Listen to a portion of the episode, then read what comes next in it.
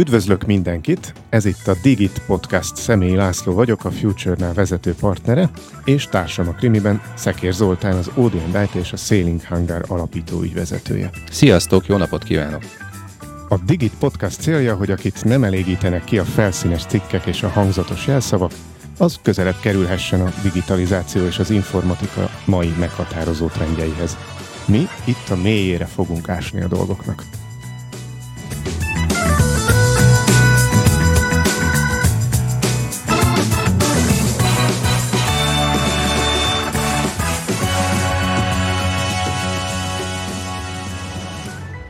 Nem tudom, ki mióta követi az úgynevezett mesterséges intelligencia vagy AI témát. Én legalább hat éve. De az idei évi hype, ez a felfogozott érdeklődés, ami e körül zajlik, az szerintem minden eddigin túltesz.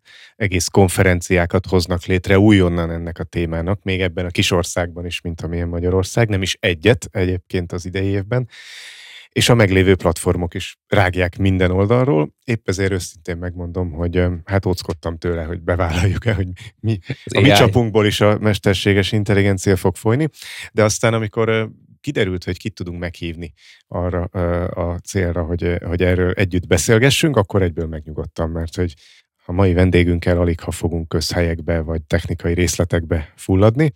Üdvözlöm a stúdióban Pereces Jánost, vagy ahogy a legtöbb kollégája ismeri eh, Janit, a Magyar Bankholding innovációs ügyvezető igazgatóját.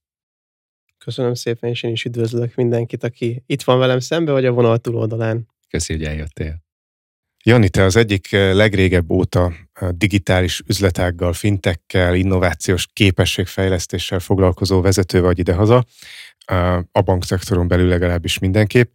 Ezért egy ilyen nehéz, de fontos kérdéssel kezdeném egyből, hogy hogy változott a, a felfogásod az innovációról és a digitális transformációról az idők folyamán, ahogy elkezdtél vele foglalkozni, ahogy már benne voltál, és most, hogy már tulajdonképpen a többedik hullámát viszed? Fú, de jó kérdés.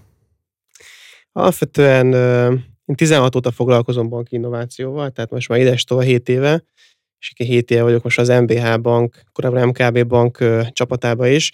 Valahogy úgy gondolkodok erről a kérdésről, mint a, a politikáról szokták mondani, Churchill mondta, hogy aki fiatalon ugye nem liberális, és 30 év, 40 év fölött nem konzervatív, az valamit nem jól csinál. És így gondolok az innovációról is, hogy kezdetben azt látom, aki elkezd a témával foglalkozni, az ugye abból indul ki, hogy miért nem lehet mindent egyszerre, miért nem lehet nagyon gyorsan megoldani, és egyébként alapvetően mindenki más hülye, aki egyébként nem innovációval foglalkozik, és nem változ, változás van állandóan.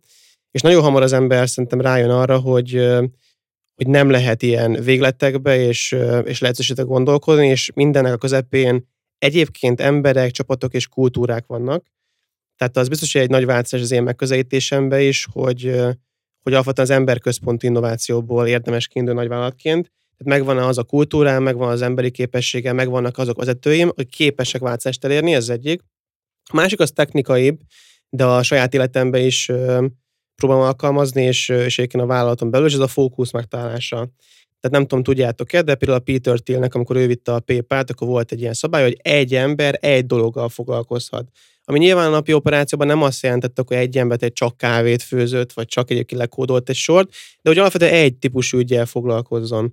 És azt látom, hogy akkor tud az ember jól változást elérni, ha tudja azt egyébként az értéke alapján fókuszálni valamilyen olyan ügyre, hogy valójában meghatározza az ő vállalatának az üzleti sikerét, vagy, vagy bármilyen más eszközben mért sikerét. Tehát én sokkal fókuszáltabb lettem, mi a csapatunk is sokkal fókuszáltabb lett, valamint sokkal emberközpontúbb, és sokkal több időt töltünk azzal, hogy kit tudunk bevonni a változásba, hogy tudjuk őt incentivizálni, és hogy tudunk bele a csapatot építeni, külső és belső csapatok egyaránt, tehát lehet ebbe fintech cég, lehet banki kolléga is, lehet akár szabályozó is.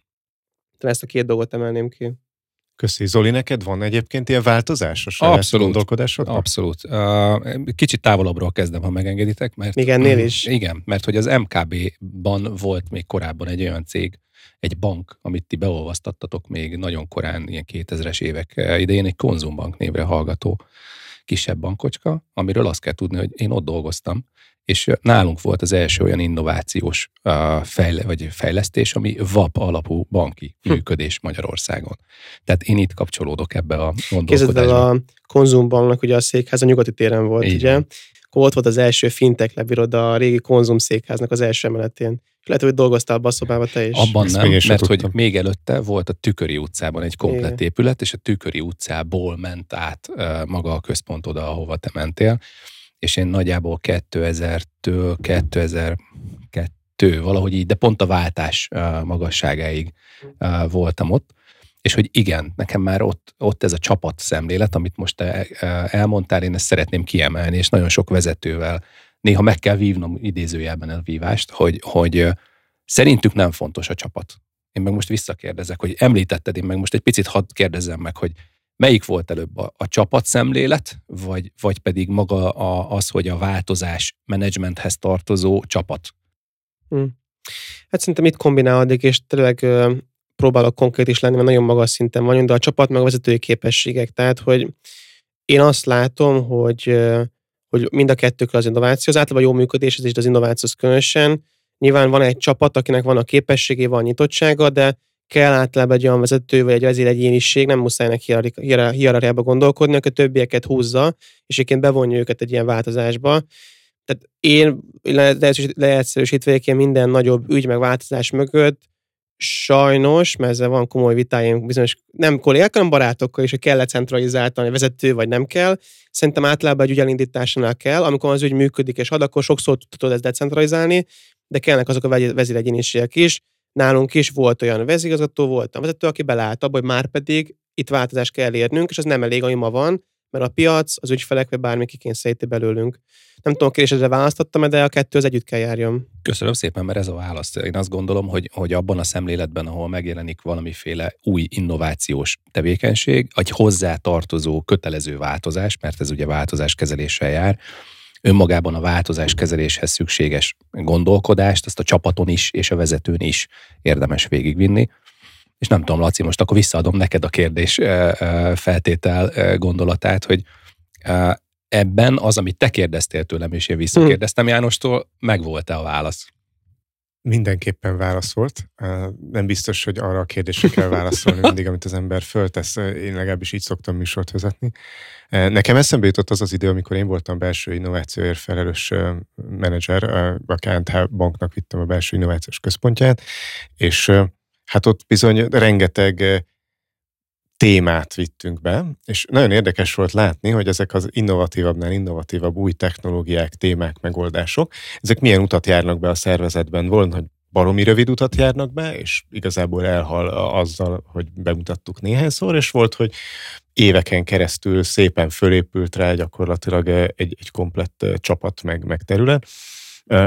A vezetőnek a szerepét egyébként tényleg a, a beleállás is látványos eredményre visz, de igazából az, hogy ő beleáll egy dologba, az valahol elindul, és sose felejtem el, ha már a mai témánk ugye a, a, a mesterséges intelligencia, hogy amikor én először kimondtam ezt egy bortagnak az épületben, hogy akkor a mesterséges intelligenciával kéne foglalkozni, akkor egy konkrét példát mondtam, ez egyébként szerintem pont 17 körül lehetett, hogy hát egy japán banknál épp most váltottak ki 16 adminisztratív munkahelyet egy ilyen robotizált folyamattal, ami a mai szemmel egyébként nem is volt mesterséges intelligencia folyamat, ma már ezt külön szóval ilyen RPA-nek hívják angolul, robotikus folyamat automatizálás ilyen műszóval magyarul.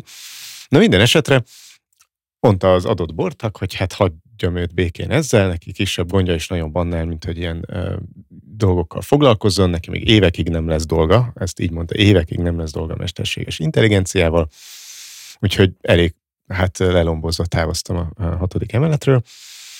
Nyilván aztán másnap újult erővel folytattam, de, de nyilván az egy dolog, hogy én mondjuk fontosnak tartottam. Mit ad Isten, pár hónappal később kijött a csoportszintű, bankcsoportszintű stratégia. Négy pillére volt, abból egy a mesterséges intelligencia volt, mint pillér. Na, onnantól kezdve kellett ezzel foglalkozni mindenhol. Körülbelül még néhány három vagy négy hónappal később elindult az első próbálkozások magyar KNTH-ban is a robotikus folyamat automatizációval, és még mondjuk egy fél évvel később már 5-6 folyamat élesben működött így, és volt egy kis csapat, aki ezzel foglalkozott, és így tovább. Ez, ez csak azért mondom, hogy, hogy ezek a történetek mutatják, hogy minden innováció az, az egyfelől egy, egy ablak, vagy egy ajtó, csak azon valakinek be kell menni, körül kell nézni, és utána berántani azt, akinek még oda kell jutni. Úgyhogy ezzel abszolút egyet tudok érteni. Talán még ha ezzel gondolatot megengedsz, hogy amit választott közben gondolkodtam, még két olyan talán tanulás van, amit azt gondolom, hogy 16-ban megkérdeztek, akkor is tudtam volna, mert az ember olvas, meg képzi magát, de nem, értett, nem éreztem volna. És ez, és ez az ért is az érzéseim, sokszor a saját bőrödön, és megtapasztolod. Az egyik az a, az a kis lépéseknek a, tényleg az összeadandó, sokszor exponenciális összeadandó ereje. Tehát, hogy úgy, mint egy edzésben, egy egészséges táplálkozásból, hogy nem látod a változást egy ilyen napról napra, de ha csinálod, akkor eljön az a változás, és akkor a végén visszigazolnak negatív, a pozitív irányba egyébként a kollégák, vagy a feleséged, vagy bárki. De ugyanaz innovációban is, hogy mekkora jelentőség vannak, ha nem hagysz ügyeket elhalni. Lehet, hogy vállalat prioritás az éppen nem az a téma, lehet, hogy nem tudtál még buy szerezni, de ha tudod életbe tartani, és lépés lépésre teszel érte, akkor alapvetően ez meg tud indulni fölfele. Lehet, a ti pont példátokban is ez, ez, ez élik, amit elmondtál. A másik meg a Bill Gatesnek, vagy nem neki, de hozzá társítják ez a exponenciális növekedéssel kapcsolatos mondása, hogy a, az emberek általában ö, felülbeslik a változást. Egy éven belül is alábeslik tíz éven belül, és tisztán emlékszem, 17-ben volt az első ilyen fintech leves, ami az inkubátor cégünk demo, és akkor ezzel, ez volt az én nagy mondásom nekem, és ez milyen jó hangzik, Bill Gates mondta, és hát az az agyba az ember felfogja. De most azért, amikor látod tényleg, mi történt a mesterséges intelligencia, mi történhet, látom azt a saját vállalatunkon is, hogy mit gondoltunk, mire vagyunk képesek egy év alatt, bele se gondoltunk, hogy tíz év alatt, és hogy tényleg mindig ez a vége. Mert hogy ha csinálod, és kitartóan csinálod, akkor egyébként sokkal nagyobb változást tudsz elérni egyébként a kitartáson, az exponenciálisan keresztül, de egy éven belül mindig tényleg felülbesled. És rohadt nagy csalódás, amikor egyébként szembesülsz vele, hogy nem tud megcsinálni egy év alatt egyébként, mert nem fogja leváltani a munkámat a mesterséges intelligencia, de most nem kísérletezek vele, nincs témaként tartva, és nem építem, akkor tíz év múlva nem leszünk játékosok ebbe a témába, és ki tudja, hogy ez milyen hatással jár, majd beszélünk róla, de hogy Szóval Bégésznek igazolt ezt akkor mondani, nem véletlenül, nem véletlenül tartják őt azért olyan magas polcon a világban. Nekem van, van ide pont ide vonatkozó kérdésem, hogy, hogy nagyon sok vállalatvezető azért fél belevágni önmagában az újításban, mert hogy jó van az úgy, ez egy nem egy pozitív hozzáállás. De aki, aki belevágna, ő mindig azt gondolja, hogy, hogy neki az egész céget azonnal meg kell változtatnia abban, hogy tudnánk egy nézőpontot formálni, mert azt gondolom, hogy itt, akik mi itt ülünk, mindenkinek van arról a tapasztalata, akár ai kapcsolatban is, hogy hogyan csináltunk, te inkubációnak hívod, és az első fintek lab, labnak hívod, én pedig olyan, én homokozónak nevezem, olyan homokozót a cégen belül, ahol ki lehet próbálni újításokat, és az abból fakadó hasznot kvázi visszavezetem a cégbe, ezzel érvel az első lépést. Kezdem én a saját példámmal, ha megengeditek. Ugye nálam a, marketing üzletágnál, amikor bejött az AI, csak hogy kicsit hozzuk vissza az AI-os történetet, kötöttem egy fogadást arra vonatkozóan, hogy hány darab új embert kéne fölvennünk akkor, ha nem használunk AI-t, és versus hány darabot nem kell fölvennünk, hogyha meg használunk AI-t, és hogyan tudunk bővülni exponenciális gondolkodás mellett. És az első időszak az konkrétan megmutatta, hogy eddig, ameddig egy ember mondjuk öt céget tudott ellátni, ugyanaz az egy ember az 10-15 céget is el tudott látni az AI segítségével. Tehát olyan hatékony, olyan brutális hatékonyság növeléshez kaptunk jogosultságot, amit, amitől mindenki egy picit meg is ijedt. Mit gondoltok erről? Hogy, hogy láttátok, vagy hogy, tehát nyilván egy bank életében nem lehet ilyen markáns lépéseket megtenni. Nem is biztos, hogy első alkalommal ennyire látványos az a, az a fejlődés, de ugyanakkor meg mégis azt gondolom, hogy lehet, hogy van visszajelzésed arra vonatkozóan, hogy milyen markáns lehetne, vagy hogy lehet megcsinálni a szervezetre vonatkozóan. Ez rögtön hozzátenném azt, hogy már beszélgetünk egy ideje, de nem beszéltünk arról, hogy most mit is tartunk mi mesterséges intelligenciának, és minek keressük ezt a, az inkubálását vagy alkalmazását, úgyhogy ezt a kettőt most összekötném. Tehát definiáljuk. Határozzuk meg, mhm. igen, és nem felejtve az kérdését, a meghatározásra adjunk utána a választ. A legjobb definíció az Rabárpától származik, az egyik podcast mondta, hogy az, olyan, az AI az olyan, mint a pornó, hogy nagyon nehéz definiálni, de hogyha így látod, akkor el tudod dönteni, most az vagy nem az. De ha ennél kicsit komolyabbak vagyunk, és mint a generatív mesterséges intelligencia beszélgessünk szerintem egy kicsit, akkor az az, hogy itt az elmúlt években kifejlődött egy olyan képesség, ezt ugye általában egy nagy modellek formájában, amely képes a te inputjaid alapján, emberi inputok alapján, vagy a gép adatban gép inputok alapján létrehozni új tartalmat, új értéket. Ez lehet kép, lehet szöveg, lehet zene, lehet bármi, és ugye ez a motor maga, ez maga a kreatív mesterséges intelligencia mögött, és ezt használhatjuk, mint hogy használunk mondjuk egy, egy, egy, egy motort is, mondjuk egy, egy kocsiba is, meg egy mosógébe, ezt használhatjuk különböző problémákra. Ezt használjuk mondjuk Orbán Viktor kis krófót énekel a TikTokon. Ezt használjuk mondjuk a marketing ügynökségbe szöveggenerálásra. Ezt használ, bocsánat, ezt használjuk például arra, hogy megválaszoljon kérdéseket emberek helyett mondjuk egy bizonyos témával kapcsolatban. Tehát én is, ugye ennek mi a leképződése, amit az emberek általában látnak, a chat GPT, ugye ez tavaly év végén jött ki november 30-án, az OpenAI nevű cég indított el, az egy chatbot tulajdonképpen, egy olyan chatbot, ami mögött egy nagyon okos ilyen nagy nyelvi modell van, ami a generatív mesterséges intelligencia segítségével jelen pillanatban szöveges inputokra szöveget ad vissza, de már most egyébként kijött az a verzió, amikor nem szöveges inputokra, akár nem szöveges választ ad. Mit tudunk elképzelni? Betöltök a Laciról egy képet, és mondd meg, hogy akkor a Laci most kócos-e vagy nem, és meg fogom hogy, hogy nem kócos, de a kócos lenne, akkor egyébként ő ide, itt, itt még egy kicsit el fésülni a haját. De lehetne kócos is, igen. Lehetne kócos. ez, a, ez a kreativitás már benne kócos van lenni, hogyha használom ezt a funkciót, de hogy ezt hívják multimodális modellnek, amikor az van nem csak szövegre, szövegekre, hanem bár tulajdonképpen képre, hangra, zenére, stb bármilyen típusú ilyen ö, outputot. És ebbe azt mondják, hogy ez a következő evolúciós lépés, hogy ezek a modellek annyira okossá válnak egyébként, hogy tulajdonképpen egy ilyen szuperintelligencia jöhet létre, és a szuperintelligenciaként önmagát építi be folyamatokba, meg te beépített folyamatokba, akkor elég jelentősen át tudja venni az emberek szerepét a társadalomba. Ma mi nem vagyunk itt, ma ott vagyunk, hogy van egy jó motorunk, amit tudunk használni problémákra, és azt mondják az okosok, hogy 30-50 produktivitás is lehet akár nyerni, ha ezt jól használjuk. Országok, társadalmak, vállalatok szintjén, ami nyilván azonnal megjelenik mondjuk profitabilitásba és egyéb, haté- egyéb hatékonysági dolgokba, meg megjelenik abba is, hogy hány ember kell az azonos feladatra, vagy hogyan végzünk bizonyos feladatokat, akár egy bankba, akár nem egy bankba. Nem tudom, hogy a definícióak vagyunk-e? Szerintem nagyon jó, én erre tudok kapcsolódni. Egyfelől onnan, hogy vannak olyan munkakörök, amiben lehet, hogy nem 30-50, hanem 300-500 százalékos produktivitás növel, még más munkakörökben lehet, hogy 5 százalékot maximum, mert, mert ott nem, nem annyira generatív feladatok vannak. Nekem a Kevin Kelly uh, magyarázata jut eszembe mindig, aki egyébként itt Budapesten volt az egyik Brainbaron, ahol én hallottam tőle ezt a sztorit, hogy ő a repüléssel húzott egy párhuzamot, és azt mondta, hogy egészen addig, amíg az emberek úgy akartak repülni, mint a madarak, a természetes repülési módot próbálták leutánozni, addig legjobb esetben összetörték magukat, rosszabb esetben új ember kellett, aki próbálkozik, de abban a pillanatban, hogy elengedték ezt a természetes repülési hívjuk technológiának, természetes repülési módot, és elkezdtek mesterséges módot találni, tehát például egy merev szárnyad, de mm. egy meghajtó, toló, húzó erőt vele kombinálva, akkor hirtelen felszállt a Wright fivéreknek a repülője. És ugyanezt látja ő, vagy hát látta ő 16-ban már a mesterséges intelligenciánál, amikor még nem, hogy generatív AI-ról nem beszéltünk, de hogy az emmiről alig beszéltek néhányan, hogy az nem ugyanolyan működési mód, mint az emberi agy. Nem, nem ugyanúgy képes dolgozni, mint ahogy az ember képes dolgozni, de a végeredménye az ugyanúgy intelligens, csak máshogy jön létre. Tehát mi emberek ugye azért tartjuk a mesterséges intelligenciát intelligenciának, azért húztuk rá ezt a fogalmat, mert hogy látszólag azt csinálja, amit mi. Igen, nem? Tehát, az hogy egy, az egy, beszél, meg rajzol, meg alkot, visszatérő meg kérdés, elemez. Hogy egyébként értsük, hogy az emberi intelligencia az mi vagy nem.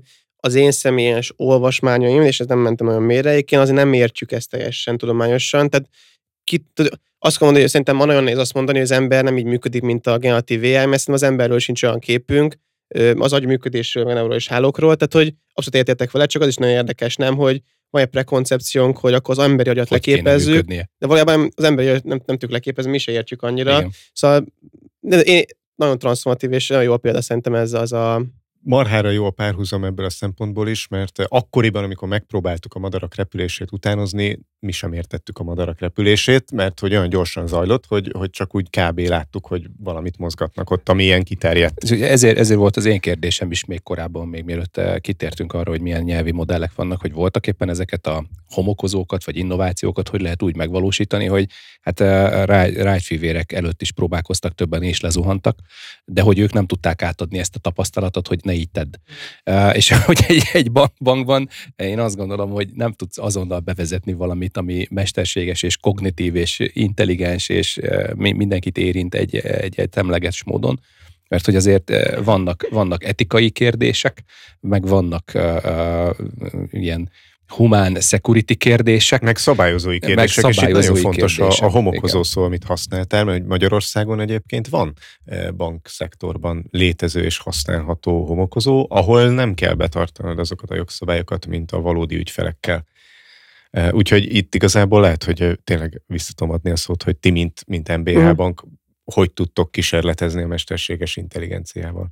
Vagy akár a generatív a részével. A definíciók, a, te is meséltél 16-ban, 17-ben mik, mik történtek, és nekem nagyon, én, én magamban dilemmázom, én nem foglalkozok régóta a témával, a klasszikus orosz tanár, akkor most látta, akkor jön az angol, meg a rendszerváltás, akkor gyorsan, akkor angol tanulunk, Egyébként jól tették, mert valójában Milyen tényleg az angol nyelv felfutása volt a sikert, egy jó, jó róla öltek, szerintem mi is jól ülünk, aki ai foglalkozik. És, és azt akarom mondani, hogy volt egy nagyon-nagyon ilyen tanulságos pillanat, pár hete hallgattam a Larry Ellisonnak az előadását, ugye a közorékülnek az alapítója, és 79 éves talán, a mai napig ő a Chief Technology Officer-e. 79 éves az ember, hát mondjuk olyan dinamikus, mint mi három összeadott, tehát van valamit, azért, valami szed, szerintem. De a lényeg az, hogy ő az Oracle éves konferencián adott a stratégiára előadást, egy órás meg lehet nézni az interneten, és ő maga úgy kezdte az előadását, hogy ő tavaly novemberben meglepődött. Tehát, hogy Oracle legjobb barátja volt a Steve Jobs, nagyon barátja az Elon Musk, a legközepében pontosan tudja, mi történik, de ő is olyan átütésnek érezte azt a pillanatot, amikor a ChatGPT kijött, hogy most van egy olyan képesség, hogy már tényleg generatív mesterséges intelligencia szintjén tudunk kezelni, ez már valójában generális, valójában jó generális intelligens, és ő neki a válasz az az volt, szerintem kicsit radikális, akkor innentől kezdve átlakítjuk a vállalatunkat, innentől kezdve minden új terméket már nem emberek írnak kódba, hanem a mesterséges intelligencia. Az egész adatbázis technológiánkat, amire épült a cég az elmúlt 30 évben átállítjuk arra, hogy nagyon jól futtasson a mesterséges intelligenciát. Csak azt akarom mondani, hogy aki, aki nem foglalkozik vele hat éve, ő se érezze magát még kihagyva, mert Larry Ellison is tavaly novemberben saját bevallása szerint lepődött meg, és kezdte átállítani, szerintem túl radikálisan, az Oracle nevű világvezető vállalatát. Szóval nekem az nagyon meglepő volt, és mondjuk Csáó 79 éves, tehát lehet tőle tanulni szerintem. Na és akkor a kérdésedre a válasz a hogyan. Szerintem a hogyanban van egy pár fontos ilyen, ilyen pillanat, ami, ami a gondolkodást meghatározza. Az egyik, amiről szerintem most beszéltünk, csak így mondjuk is ki, hogy már ma tartott ez a technológia, hogy vállalati kis nagyvállalati környezetben is lehet használni probléma megoldásra. Tehát kísérletezéssel lehet majd elmesélni mindjárt, de hogy ez ma már van annyira érett, hogy tud problémákat megoldani, valódi problémákat. Nem csak azt, hogy generálok egy e-mailt poénból, meg egy Facebook posztot, hanem be tudom illeszteni akár más problémák megoldására, és mindjárt beszélek erről. A másik, hogy érdemes úgy gondolkodni a generatív mesterséges intelligenciáról, hogy van egy, egy kollégánk, ami virtuálisan létezik, és ez a kolléga ez nem alszik, alapvetően valamilyen szinten tanítható, hol tudnék használni ilyen kollégát a működésembe? Valószínűleg nem ott használnék egy ilyen kollégát egyébként a működésemben, amely a legkritikusabb, a legérzékenyebb adatok, ami az életem múlik rajta, de azért vannak a repetitív kérdések, általános kérdések egy banki működésben, meg bármilyen működésbe, ahol be lehet vetni. A harmadik pedig szerintem nagyon fontos, hogy nem elkerülhető vállalatként a foglalkozás kérdéssel, mert a kollégáktól ez jön. Én személyesen még nem éltem ilyen technológiát, az internetbumban én még nem voltam tudatképes ilyen szempontból, azt csak olvasmányból ismerem, de sokat beszéltünk itt blockchainról az elmúlt időszakban, RPA-ról, mindenről, nem láttam még ilyen technológiát, ami ilyen szinten alulról jön a vállalatba, hogy én használom a saját életemben, mikor fogom használni az MBH banki életembe is végre, mert szeretnék hatékonyabbá válni. Nem verink ránk, nem törik ránk még az ajtó, de hogy tömegével jönnek az e-mailek és megkeresések, és nyilván egy banki környezetben ez biztonságosan nekünk kell megteremteni. Van az a sztori, a Samsungos történet, hogy valamelyik kóder betöltötte a forráskódot a ChatGPT-be. A ChatGPT úgy működik, hogy van egy nagy központi modell, és minden válaszra igazából ezt tanítjuk. Ami szerintem tök oké így általános emberként, mert hogy hozzájárulunk ez a nagy intelligencia létrejöttéhez, de bankként nem oké, mondjuk az ügyféladatokat betöltjük, vagy olyan kócsorokat, és ez visszatanít. Tehát mit csinált az összes bank? Letiltotta a ChatGPT-t, hogy ez, ez biztonságosan, hogy ne történjen ez meg, ez egy radikális döntés, de nem tehetjük meg, hogy nem adunk alternatívát. Utolsó az a kísérletezés, és bocsánat, hogy hosszúra húzom, csak fontos, mert a választ, a választ tök egyszerű, hogy egyetértünk ezekbe, az alapfeltételekben, hogy minden ilyen technológiával, de egyébként majdnem minden nagy kérdése és pénzügyi tudatosság, vállalkozó ismeretek, olvasni róla, videókat nézni, meghallgatni egy dolog, saját bőrödön kipróbálni kicsibe és abból tanulni, az más dolog. De ez az egy a százhoz típusú értékteremtés meg hatékonyság. Hát ugye, aki már bukott el pénztőzsni, azt tudja, hogy utána akkor hogyan viszonyul hozzá, meg, meg akár a vállalkozásához is. De a lényeg a lényeg, hogy szerintem, aki a sikeres akar lenni, az el kell kezdjen kísérletezni a technológiával, és kicsibe kell olyan problémákkal kísérletezni, ahol nem baj, ha hibázik. Mert az ember is hibázik, mi is hibázunk, de az a különbség, hogy ha ezt beépíted a működésedbe, akkor nyilván ezer, ezer, ezer dolgot tud egy, egy pillanatban elvégezni, még mondjuk egy-két hibát védtünk itt óránként. Tehát mi így közelítjük meg, és akkor mit csinálunk? Mi két dolgot csinálunk. Az egyik az, hogy edukáljuk a kollégákat. Tehát elkezdtünk egy tulajdonképpen egy ilyen bootcamp sorozatnak hívjuk, ahol 20 kollégánként megtanítjuk nekik az alapvető generatív mesterséges intelligencia eszközök használatát, a Binget, a ChatGPT-t, a Google Bardot, stb. És utána pedig megkérjük őket, hogy gondolkodjanak MBH-s problémák az ő kis életükbe, hogy mire lehetne ezt használni, majd pedig jöjjenek vissza, és utána még adunk nekik tanulni valót otthonra is, hogy, hogy olvassanak. A másik pedig, és ez a gyakorlati, hogy létrehoztunk egy olyan saját belső sandboxot, ahol biztonságos körülmények között, de skálázhatóan mi ezekkel a modellekkel most dolgozunk, hogy hogyan tudunk banki problémákat megoldani. Az egyik ilyen, amit megosztok, az az, hogy hogyan tudunk például a saját ö, ö, szabályzatainkban nyelvi modell segítségével válaszokat generálni, ami válaszok alapján mondjuk jobban működik a fiókban a kolléga, vagy jobban szolgál ki ügyfelet. Nagyon kevés ember van, aki fejből tudja az összes szabályzatot egy bankba, és megkérdezni amikor egy chatbotot, hogy figyelj, hogy van ez, akkor ez a jelzálog, akkor most a lejár, akkor most hogy van vissza? Megkérdezem, a nyelvi modell megkeresi egyébként a mi szabályzatainkba, és generál egy, egy jobb szöveget, mint én tudnék egyébként magyar nyelven, pedig én tanultam magyar nyelvet, az OpenAI meg ugye a Silicon, Silicon völgyből csinálja. Úgyhogy mi így közelítjük meg. A víziónk az az, hogy ez az edukáció és ez a platform, ez egy ilyen folyamatos együttélésbe fog élni, tehát jönnek a use case a kollégáktól, meg tudunk oldani kicsi problémákat, először 10-20-30 embert érintő problémákat, és ahogy skálázzuk, én remélem, hogy évek alatt, vagy akár hónapok alatt, de inkább évek a technológia miatt, eljuttunk oda, hogy mondjuk ez ügyfeleknek is elérhető problémákra ad választ.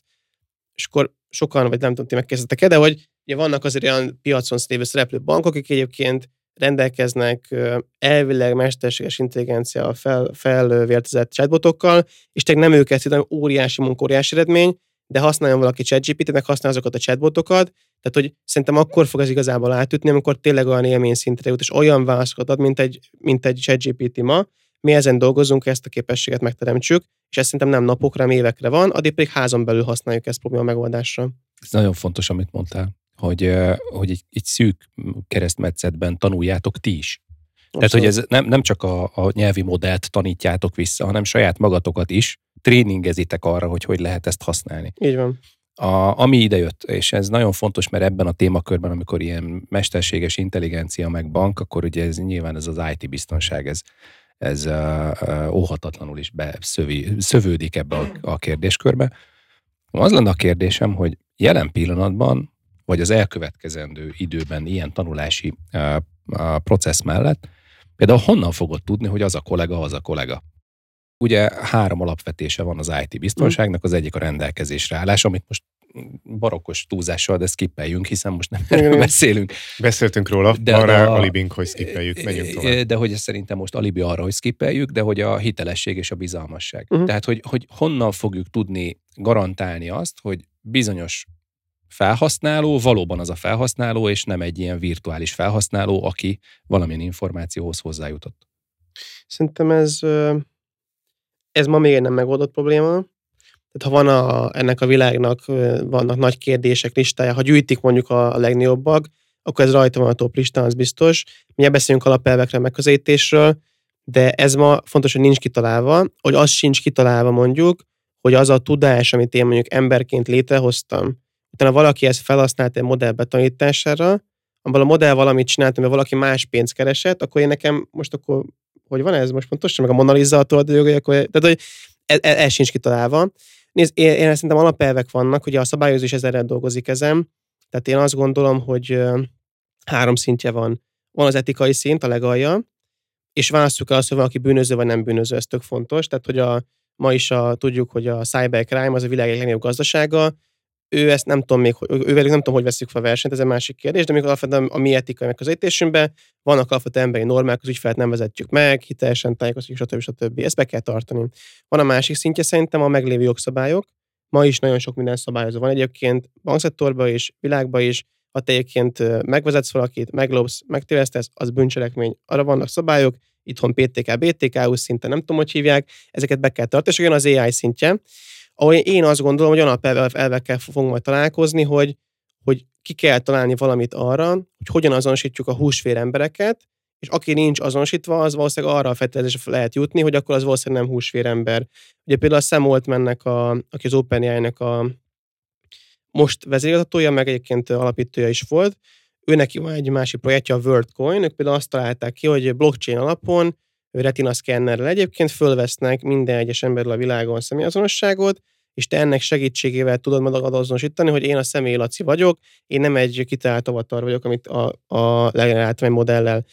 Ez az én privát véleményem, szerintem ez valami, ha nem is ez a megoldás, mert nem ez lesz az, de valami megoldás kell arra egyébként, hogy megkülönböztessük a húsvérembereket a, a nem húsvéremberektől, és innentől kezdve ezt kell tudni végigvinni a működésbe. Nekünk tudnunk kell fogadni egy ügyfélhívást, és megtudnunk, hogy akkor ő most kicsoda. És akkor csak hogy, hogyan, hogyan a poém, hogy szerintem nem csak a csalóknál lesz az, hogy nem emberekkel beszélgetsz. Tehát, hogy az egy, egyik use case, ami nagyon adja magát, hát szerintem kettő is van, az egyik az, az poén, a másik az meg szakmai, kezdem a szakmaival. Az egyik use case, ami nagyon adja magát ebbe a világba, ezek a személyi asszisztensek. Tehát ez a vedd meg a repjegyet, intézd le ezt, mikor odaérnem, és akkor jönnek a következő szintje, utalj neki, fizess be a számlát. És simán lehet, a személyi asszisztens, ez be tud majd telefonálni a bankba, hogy én Perces János nevében hívom a bankot, szeretnék abban segítséget kérni, hogy ez hogy van. Ugye a meta-meta, amikor az, hogy a gép beszélget géppel majd, tehát hogy most maradjunk annyi, hogy a, személyasszisztens beszélget egy emberrel, és ez nem csaló, ez, ez valódi, és itt tudnunk kell, akkor most nem a Pereces János hívta, a Pereces Jánosnak az asszisztense hívta, akit nem tudom, kétnek hívnak, vagy a US pont, pontos miatt, de akkor hívják... Ilyen vonda. Hí, hí, nem, hívják Lernek, biztos ilyen is van a világban. Ez egyik use case, és akkor itt, itt is felmerül. A másik meg a... Gizike. Gizike. Az online, hát hívjuk társkeresésnek, de hogy tehát, hogy miért ne lenne sok embernek egyébként egy AI barátnője, vagy barátja egyébként? Hát most miért ne tartana egy ilyet? Egyébként jót lehet beszélgetni, megnyugtatja. Tehát, hogy ha kivesszük a, a testi kapcsolatokat akkor a, az emberi kapcsolatokból, akkor elég sok minden van ott egyébként azon túl, még ha sokan egyből a testiségre gondol, amikor kapcsolatokról beszélgetünk, miért ne lehetne egy AI barátnője majdnem mindenki, jót beszélget, küld még képeket is, megnyugtat, este még föl is jót hangja is van, magyarul is tud. Én azt gondolom, ez egy komoly biznisz lesz, mi a bankként ezzel nem foglalkozunk, ezt inkább Ezt most kiszervezted. Ezt kiszerveztük bankon kívülre. De, na, tehát komoly kérdés, és, és nincs megoldva, és szerintem alapelvek vannak, megoldás még nincsen. Nagyon jó. E, erre most nem tudom, hogy a három-négy gondolatomból melyiket fogom először előhúzni, a, mert hogy tényleg bele, beleértünk a, azt hiszem, hogy a sűrűjébe ennek a témának, ami már nem csak bankszakma, de, de én nagyon hiszek abban, hogy olyan szolgáltatóknak, mint egy bank, vagy egy telekommunikáció, vagy egy mondjuk egy állam, neki érteni kell az élethez. Tehát, hogy tudnia kell azt, hogy az ő ügyfelei hogyan élnek. Nem, nem kémkednie kell, csak értenie kell. Tehát azért, mert különben nem tud jól kapcsolódni, mert amikor én fizetek, akkor én az életem egy részét intézem amikor én hitelt veszek fel, akkor az életem egy részét intézem. És az a jó kiszolgálás, amikor értik, hogy nekem miért kell a hitel, és értik, hogy hogyan kell, vagy értik, hogy nekem hogy kell fizetni. Tehát, hogy ezért szerintem marha érdekes ez, hogy mi minden zajlik majd az ügyfél oldalon, ami, ami nem a mi szolgáltatásunkba épített mesterséges intelligencia, hanem az ő életében használt mesterséges intelligencia. Az egyik gondolatom, hogy én egyébként két hónappal ezelőtt töltöttem el heteket azzal, hogy kerestem és próbáltam találni egy ilyen digitális asszisztenst. Én mondjuk, mint cégvezető kerestem, tehát nem feltétlenül a magánügyeim intézésére, de hogy, hogy ez egy nagyon komoly szándékom, hogy találjak egy ilyet, és eléggé el vagyok szontyolodva, mert hogy hosszas keresés után nem sikerült még olyat találnom, aki valóban megoldja azt, amire nekem kell. De hogy elég valószínűleg tartom, hogy fél évente meg fogom ismételni ezt a keresést, mert nem gondolom, hogy évekig fog tartani, még ez megjön. Nem fog évekig tartani, most Bosi belszólt, de pont egy videó volt, amikor én is elgondolkodtam, hogy ugye, mikor benne vagy egy ilyen változásban, meg így látod, akkor sokszor azért mi ilyen boomerekké válunk, hogy hát azért hát csak nem, nem, hát ez fú, de ciki lenne, ha így működne, és akkor nekem is volt egy ilyen élményem, aztán valószínűleg rohadtul megtörténik, és akkor ez így van, és el kell fogadni. Tehát ránézek arra, hogy ma mondjuk a TikTokot hogy használják mondjuk nálam fiatalabbak, hát eszembe se jutna, hogy használ TikTokot, aztán van. De hogy a, ugye most dolgoznak azon, hogy a, főleg a Facebook, a Meta nyomul ebbe át, és neveztek a metaverzum, és sokan azt gondolják a metaverzumról, hogy akkor az egy ilyen, hát akkor avatárok, és akkor mit avatárok beszélgettünk, és tök rossz a grafika, minden, rohadtul nem. Ugye a metaverz az, hogy tényleg kvázi leképezzük a fizikai világot, de hogy egy ilyen digitális meg a fizikai között egy átmenetet képzünk. Nagyon sok use case lehet, az egyik use case az az, most csináltak egy olyan szemüveget a Rébennel közösen, ami kvázi azonnal tud így ilyen kiterjesztett valóságot, mondjuk rád nézek, és akkor három karod van, meg hasonló, tök jó grafikával, de nem ez a dolog, hanem most van egy startup, aki azon dolgozik, hogy ő fontosan veszi azt, amit én látok, amit hallok, és utána ezt nekem letárolja, tehát a memóriámat digitalizálom, és akkor azt mondja nekem, hogy majd ő csinál nekem egy javaslatot, hogy mivel foglalkozok az alapján, hogy én ma mit csináltam. Szóval szerintem jönni fog, és azt akartam csak mondani, hogy ez ki fog, ki fog lépni szerintem a kétdimenziós internetvilágból, és be fog épülni valószínűleg a háromdimenziós emberi világunkba. Én nekem ez a szint volt az, amikor már az van, hogy tudja, hogy mit hallok, meg mit látok, amikor már úgy, hát hogy mondjam, nekem azért már intrúzívnak éreztem az életembe, és szinte biztos, hogy 20 évvel beszélgettünk, már lesz olyan generáció, lesznek olyan csapattagok, mi magunk is, akik már használnak ilyen technológiákat. Teljesen normálisnak tűnik. Hát pár adással ezelőtt pont az volt a példám, hogy a, az unokáim hogy tudnak velem beszélgetni. Úgy, hogy én már nem vagyok. És hogy, hogy itt, én itt, a, nem ak- igen. itt, itt a technológia, tessék, be, csak a, a tárhely kérdése, hogy hova, hova digitalizálják azt a mennyiségű adatot, és a, a, az AI az hogy dolgozza, és hogy tanulja meg azt a viselkedést, amit, amit én uh, itten produkálok egy beszélgetésben. Őszintén általában így szoktam ki. És itt, itt van azt mondani, oké, okay, boomer és akkor lerakom, és akkor hazamegyek típusú. De, hát, de ugyanez, hogy ez a, ez a műhús, nem műhúsnál is tényleg, hogy most van olyan technológia, ugye ez a gémbiológia minden segítségével, hogy hogy a tényleg, generatív hús. Ez a, ez a, de az a de baj, hogy, hogy ez hús, már van. És hogy a cell, nem tudom, hogy jól szokat használok elnézést, ilyen közgazdás, közben gék, és nem, nem, a kémiához nem értem a biológiához, de hogy, hogy leképzik cella szinten azt egyébként, hogy ugyanolyan szaftja van, ugyanolyan zsírja van minden, hogy tehát én ezt nem akarom megérni. Már, tudom, hogy kell, meg tudom, komoly is van, de hogy itt már én is boomer Akkor vagyok. inkább a rovarok. Inkább Na, a rovarok. Uh, visszakanyarodva egy pillanatra, Bocs. tehát hogy ne, nekem kedvenc analóg példám, vagy hasonlatom erre, amikor uh, szintén ebben az időszakban, amikor én belső innovációs vezetőként dolgoztam, uh, volt egy gyakornokunk, akivel beszélgettem, és egyszer elmesélte, hogy fú, nagyon fel van, fel van dobva, mert, mert olyan romantikus dolog történt vele, hogy, hogy őt felhívta a barátja. Mert hogy egyébként addig heteken, vagy nem tudom mennyi időn keresztül csak cseteltek. És persze ők még, tehát fizikai ember, uh-huh. fizikai ember, tehát nyilván találkoztak is, meg minden, de hogy, hogy egyébként az, hogy őt felhívta telefonon egy régebbi technológián, ez neki romantikus élményt adott, de láttad rajta, hogy teljesen feltöltötte őt. És most kicsit ugyanezt érzem eh, ennek kapcsán is, hogy azért nekünk ez megmosolyogtató, de, de neki ez egy, ez egy teljesen valós megélés, ő nem érti azt, hogy nekünk miért megmosolyog. Nem érti, tehát hogy nem tud neki átadni már, mert nem abban nőtt fel. Ez a generáción közötti különbség, nem a korkülönbség más, nem. hanem az, hogy másképp nőttünk fel. Igen, más volt akkor a normális, vagy az megszokott, vagy amit Nem voltak dolgok. Tehát, hogy azért... Na ugyanez lesz itt a, a mesterséges intelligencia kapcsán is, tehát az, hogy én tudok beszélgetni egy, egy virtuális lényel, vagy virtuális technológiával, az mondjuk szerintem már a mostani tizenéveseknél mindenképpen ez fog eljönni, hogy, hogy neki ez teljesen természetes lesz. Ő, ő, ő nem érzi, hogy ez most egy nagy dolog, ő ezt el is fogja várni, hogy akkor felnőttként szolgáltatóknál ez, ez mindenhol legyen, meg hogy ő neki legyen egy sajátja.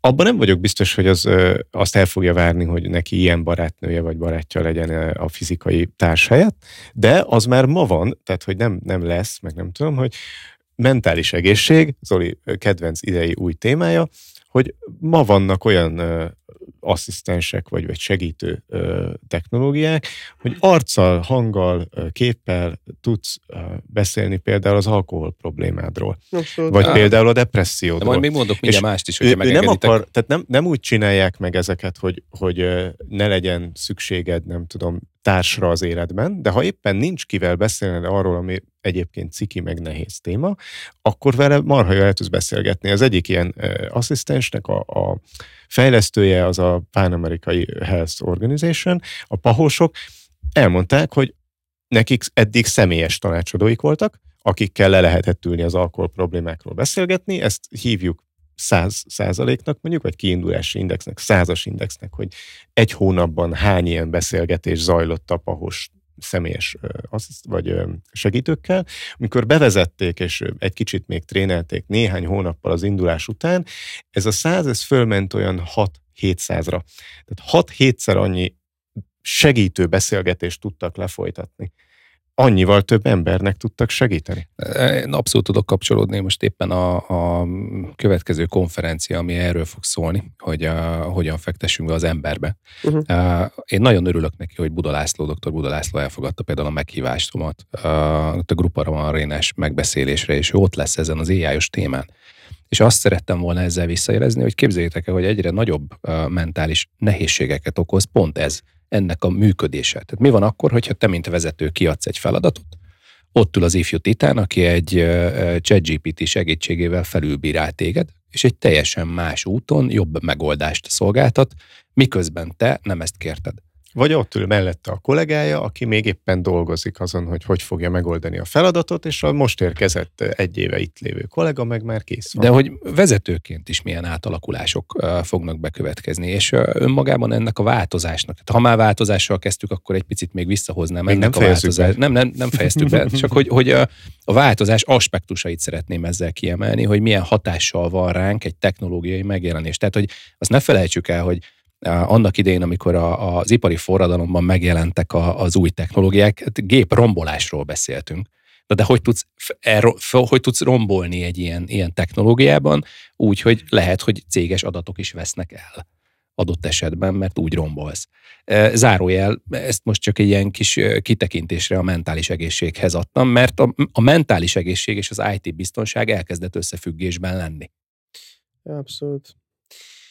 Nem, nem, nem, nem, én szóval nem érdemes bemenni egyébként, de tényleg megemlítés biztos érdemes, hogy biztos, hogy komoly vita ebbe az egész, mert most hoztál példaként, hogy akkor ö, ö, de, de, ipari forradalom, internet, stb., hogy, hogy mi lett a világa, jobb lett, rosszabb lett, ugye minden ilyen változásban valaki kívül van, valaki belül van, és szerintem a tapasztalat a múltból, és én azt gondolom, hogy itt is ez fog történni, hogy a világ összességében egyébként fejlődik, de lesznek a réteg, és szerintem ez inkább nő ez a rétegnek az aránya, aki egyébként ebből kimarad, és nem tudja élvezni, és lesz, lesz egy elit, aki meg ennek learatja a gyümölcseit. Tehát, hogy azt ezzel mondani, hogy a világ szempontjából, azt az, hogy jött ez a, az egész boom, és van, és lesz, szerintem ez jó. Az egyén szempontjából, és ezre ösztönzök mindenkit is, hogy rohadt oda kell figyelni, mit tudok tenni egyénként, hogy a jó oldal ennek a dolognak, mert szerintem ez egy ilyen aránytanul, tehát ha már exponencialitás, aránytanul le lesz egyébként aratva szerintem egy bizonyos kör által, ami lehet egy elég nagy kör a világban, számosságában, ha darabra nézzük, de arányaiban egyébként könnyű lesz belőle kimaradni. Hadd hozzak ide egy példát, amit nagyon sok előadásomban mondtam korábban, most egy ideje valahogy nem került elő, hogy, hogy a világ első városa, az körülbelül tízezer évvel ezelőtt épült meg Törökországban, nagyjából majdnem két évezreden keresztül egyébként lakták. Ebben, ha meg tudnám most mutatni a képét, akkor nagyon szembetűnő lenne, hogy nem voltak utcák. Az első város az úgy épült, hogy így házak egymás között, és a közlekedést ezt ilyen létrákon meg a háztetőkön oldották meg. Az egy innováció, hogy ma utcákon villamossal, meg trollibusszal közlekedünk, meg ne adj Isten pöfékelő dízelkocsival, de hogy azt azért akkoriban lehet sejteni, hogy mondjuk milyen hát felzúdulást váltott volna ki, hogyha valaki ebben a városban mivel föláll, és azt mondja, hogy srácok, szerintem itt kéne egy utca.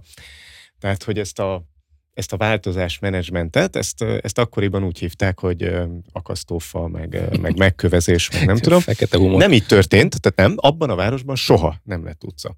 Az történt, hogy épültek városok, előbb-utóbb épültek olyan városok is, amiben lett utca, és előbb-utóbb senki nem akart olyan városban lakni, ahol nincs utca. Tehát ugyanez lesz szerintem Hát a igen. mesterséges intelligenciával is, hogy vannak cégek, ahol nincs mesterséges intelligencia, mert le van tiltva, mert szabályozás, meg ez egy biztonsági kérdés. Nem tudom.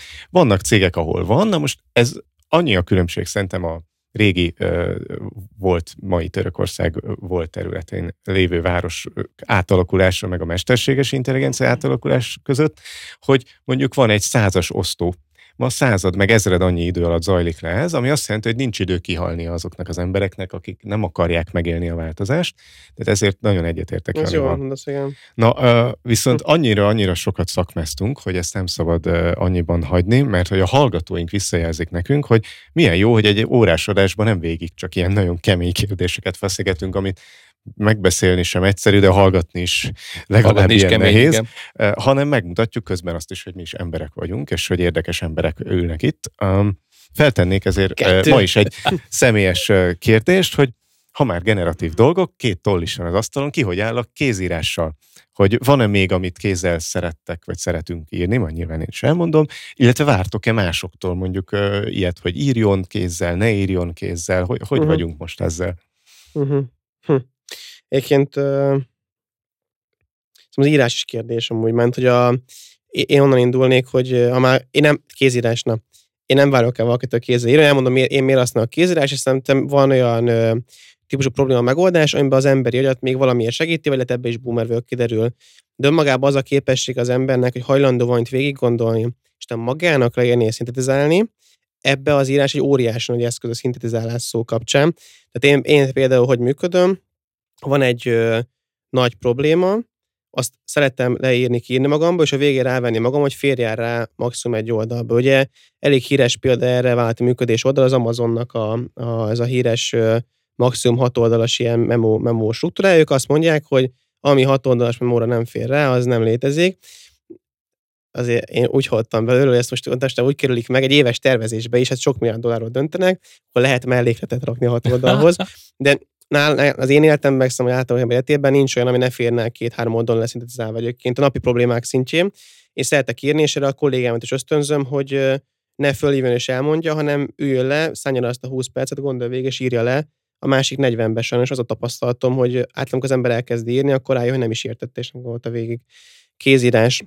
A kézírást egyébként erre a kérdéskörre nem használom, de szoktam kézírni általában akkor, amikor valamiért ez a, a kétdés világba a legépelés, az, az még valahogy úgy bekorlátoz, hogy nem tudok vizuálisan gondolkodni, pedig használok rengeteg eszközt, amit Miroboard, ami leképzi a kettő dimenzióban, leképzi a, a 3D-s gondolkodást, de valamiért engem azt szokott felszabadítani ezekben az igazán kreatív gond problémákban, hogy tényleg a noteszembe rajzolok és, és, és abba írok. Ö, egyébként jegyzetelni, ha már nagyon személyesen, akkor én ilyen oda-vissza menős vagyok, hogy néha jegyzetelek füzetbe, de általában most már digitálisan. És, és az, ebbe, ebbe viszont jobban bevált nekem a digitális, azt azért könnyebb rákeresni, megtartani, azok az AI tanítani az alapján. De az igazán kreatív problémákra használok. Egyébként látjátok, itt van előttem ez a kis papír is, tehát amikor gondolkodok, akkor általában valamit csinálok a kezemmel, és ez segít akkor így a szintézishez megérkezni. Úgyhogy én szerintem van helye az írásnak, nagyon, a kézírásnak meg egyén függő, hogy valaki el tudja a kérdés térbe ezt képzelni, ezt a kreatív megoldást, vagy kell neki a papír. Nekem néha kell, de már itt egyre ritkábban.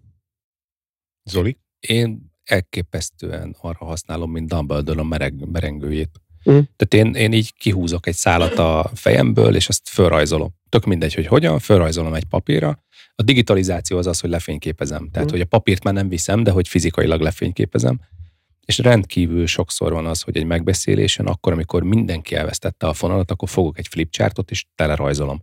És akkor derül ki, hogy voltak éppen nem is beszélünk ugyanarról, meg egyáltalán nem is az a téma, meg senkinek nincs a fejébe semmi, viszont már ott ülünk egy órája. De te ezt tudod szintetizálni. Én ezzel szintetizálok. Igen, tehát hogy én, én eb- ebben ugye az, hogy, az, hogy vezetőképzés, meg, meg digitális vezetőképzés, az a, az a tapasztalatom, képzeljétek el, hogy a digitális vezetőt úgy képzem, hogy megtanítom gondolkodni és írni.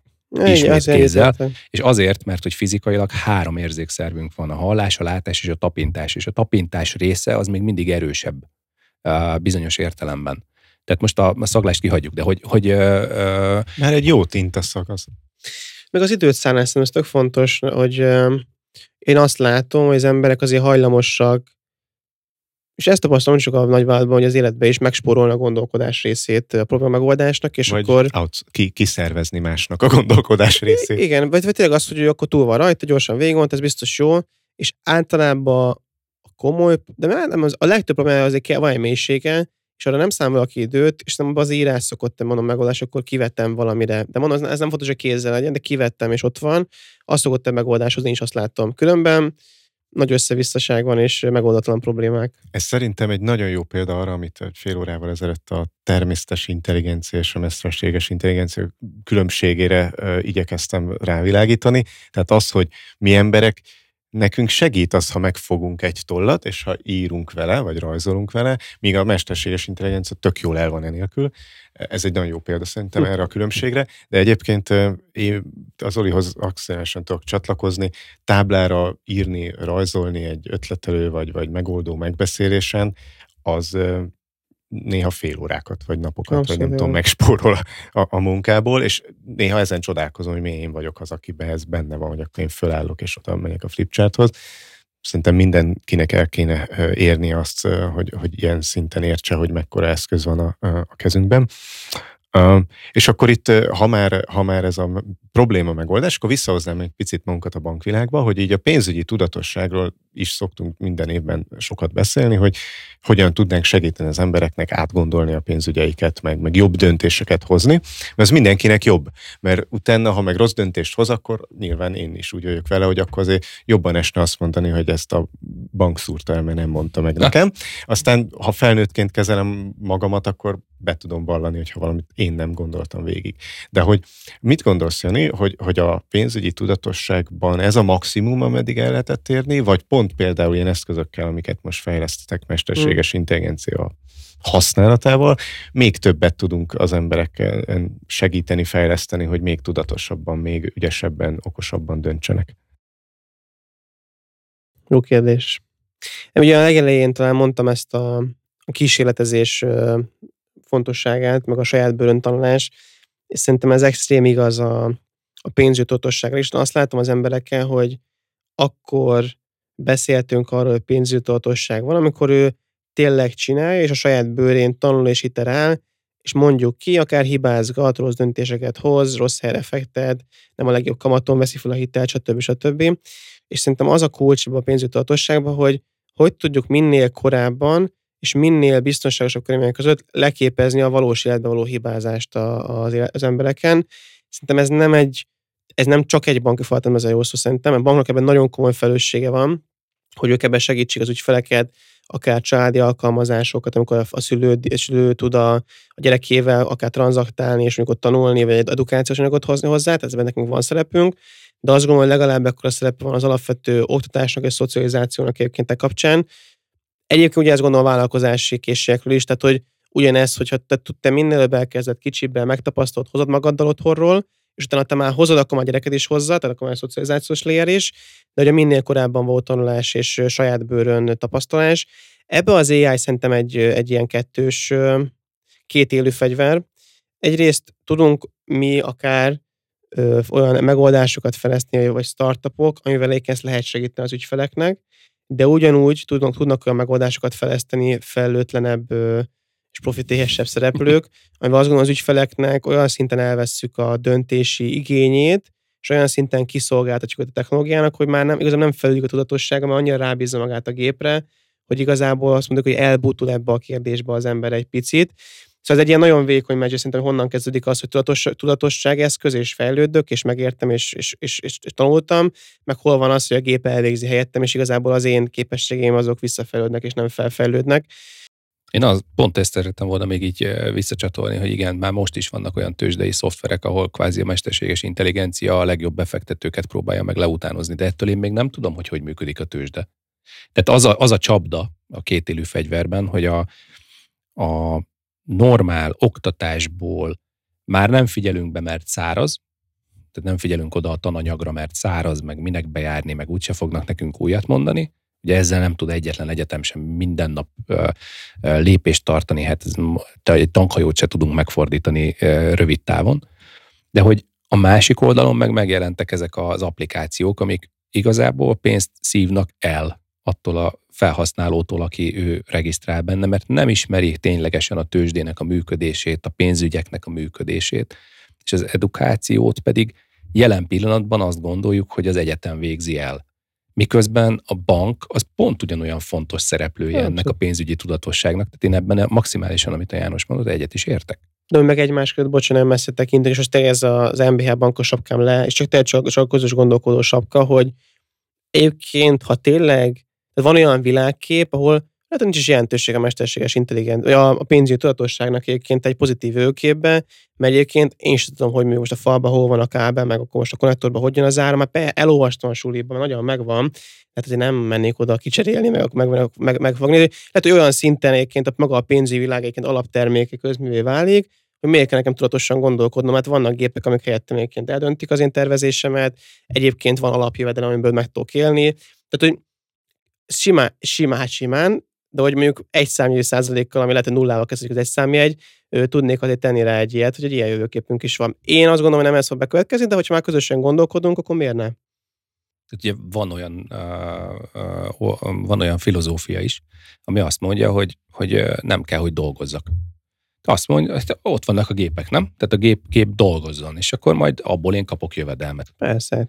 Tehát e, ez a, a két filozófia között ö, nem lehet, én azt gondolom, hogy most nem lehet előre látni, hogy melyik az igaz. Hát most ugyanígy Butánban is, ugye Szerintem, a nemzeti özboldogság. Szerintem sokat lehet előre látni, csak oda kell figyelni azokra, akik ismerik az embert, akik értik, hogy hogy működik az ember. Mert tehát lehet azt mondani, hogy nem tudom, elküldöm sportolni a gépet, és én meg otthon ülök. Ez a se, de nem, úgy tehát, hogy, hogy nem lesz jó, tehát előbb-utóbb fájni fog. Na ugyanez van egyébként a gondolkodás. Lehet azt hogy a gép gondolkodik, én meg bambulok, csak az is előbb-utóbb fájni fog. Meg, meg lehet azt mondani, hogy majd a gép dolgozik, én meg lustálkodom, csak az is lelkileg előbb-utóbb fájni fog.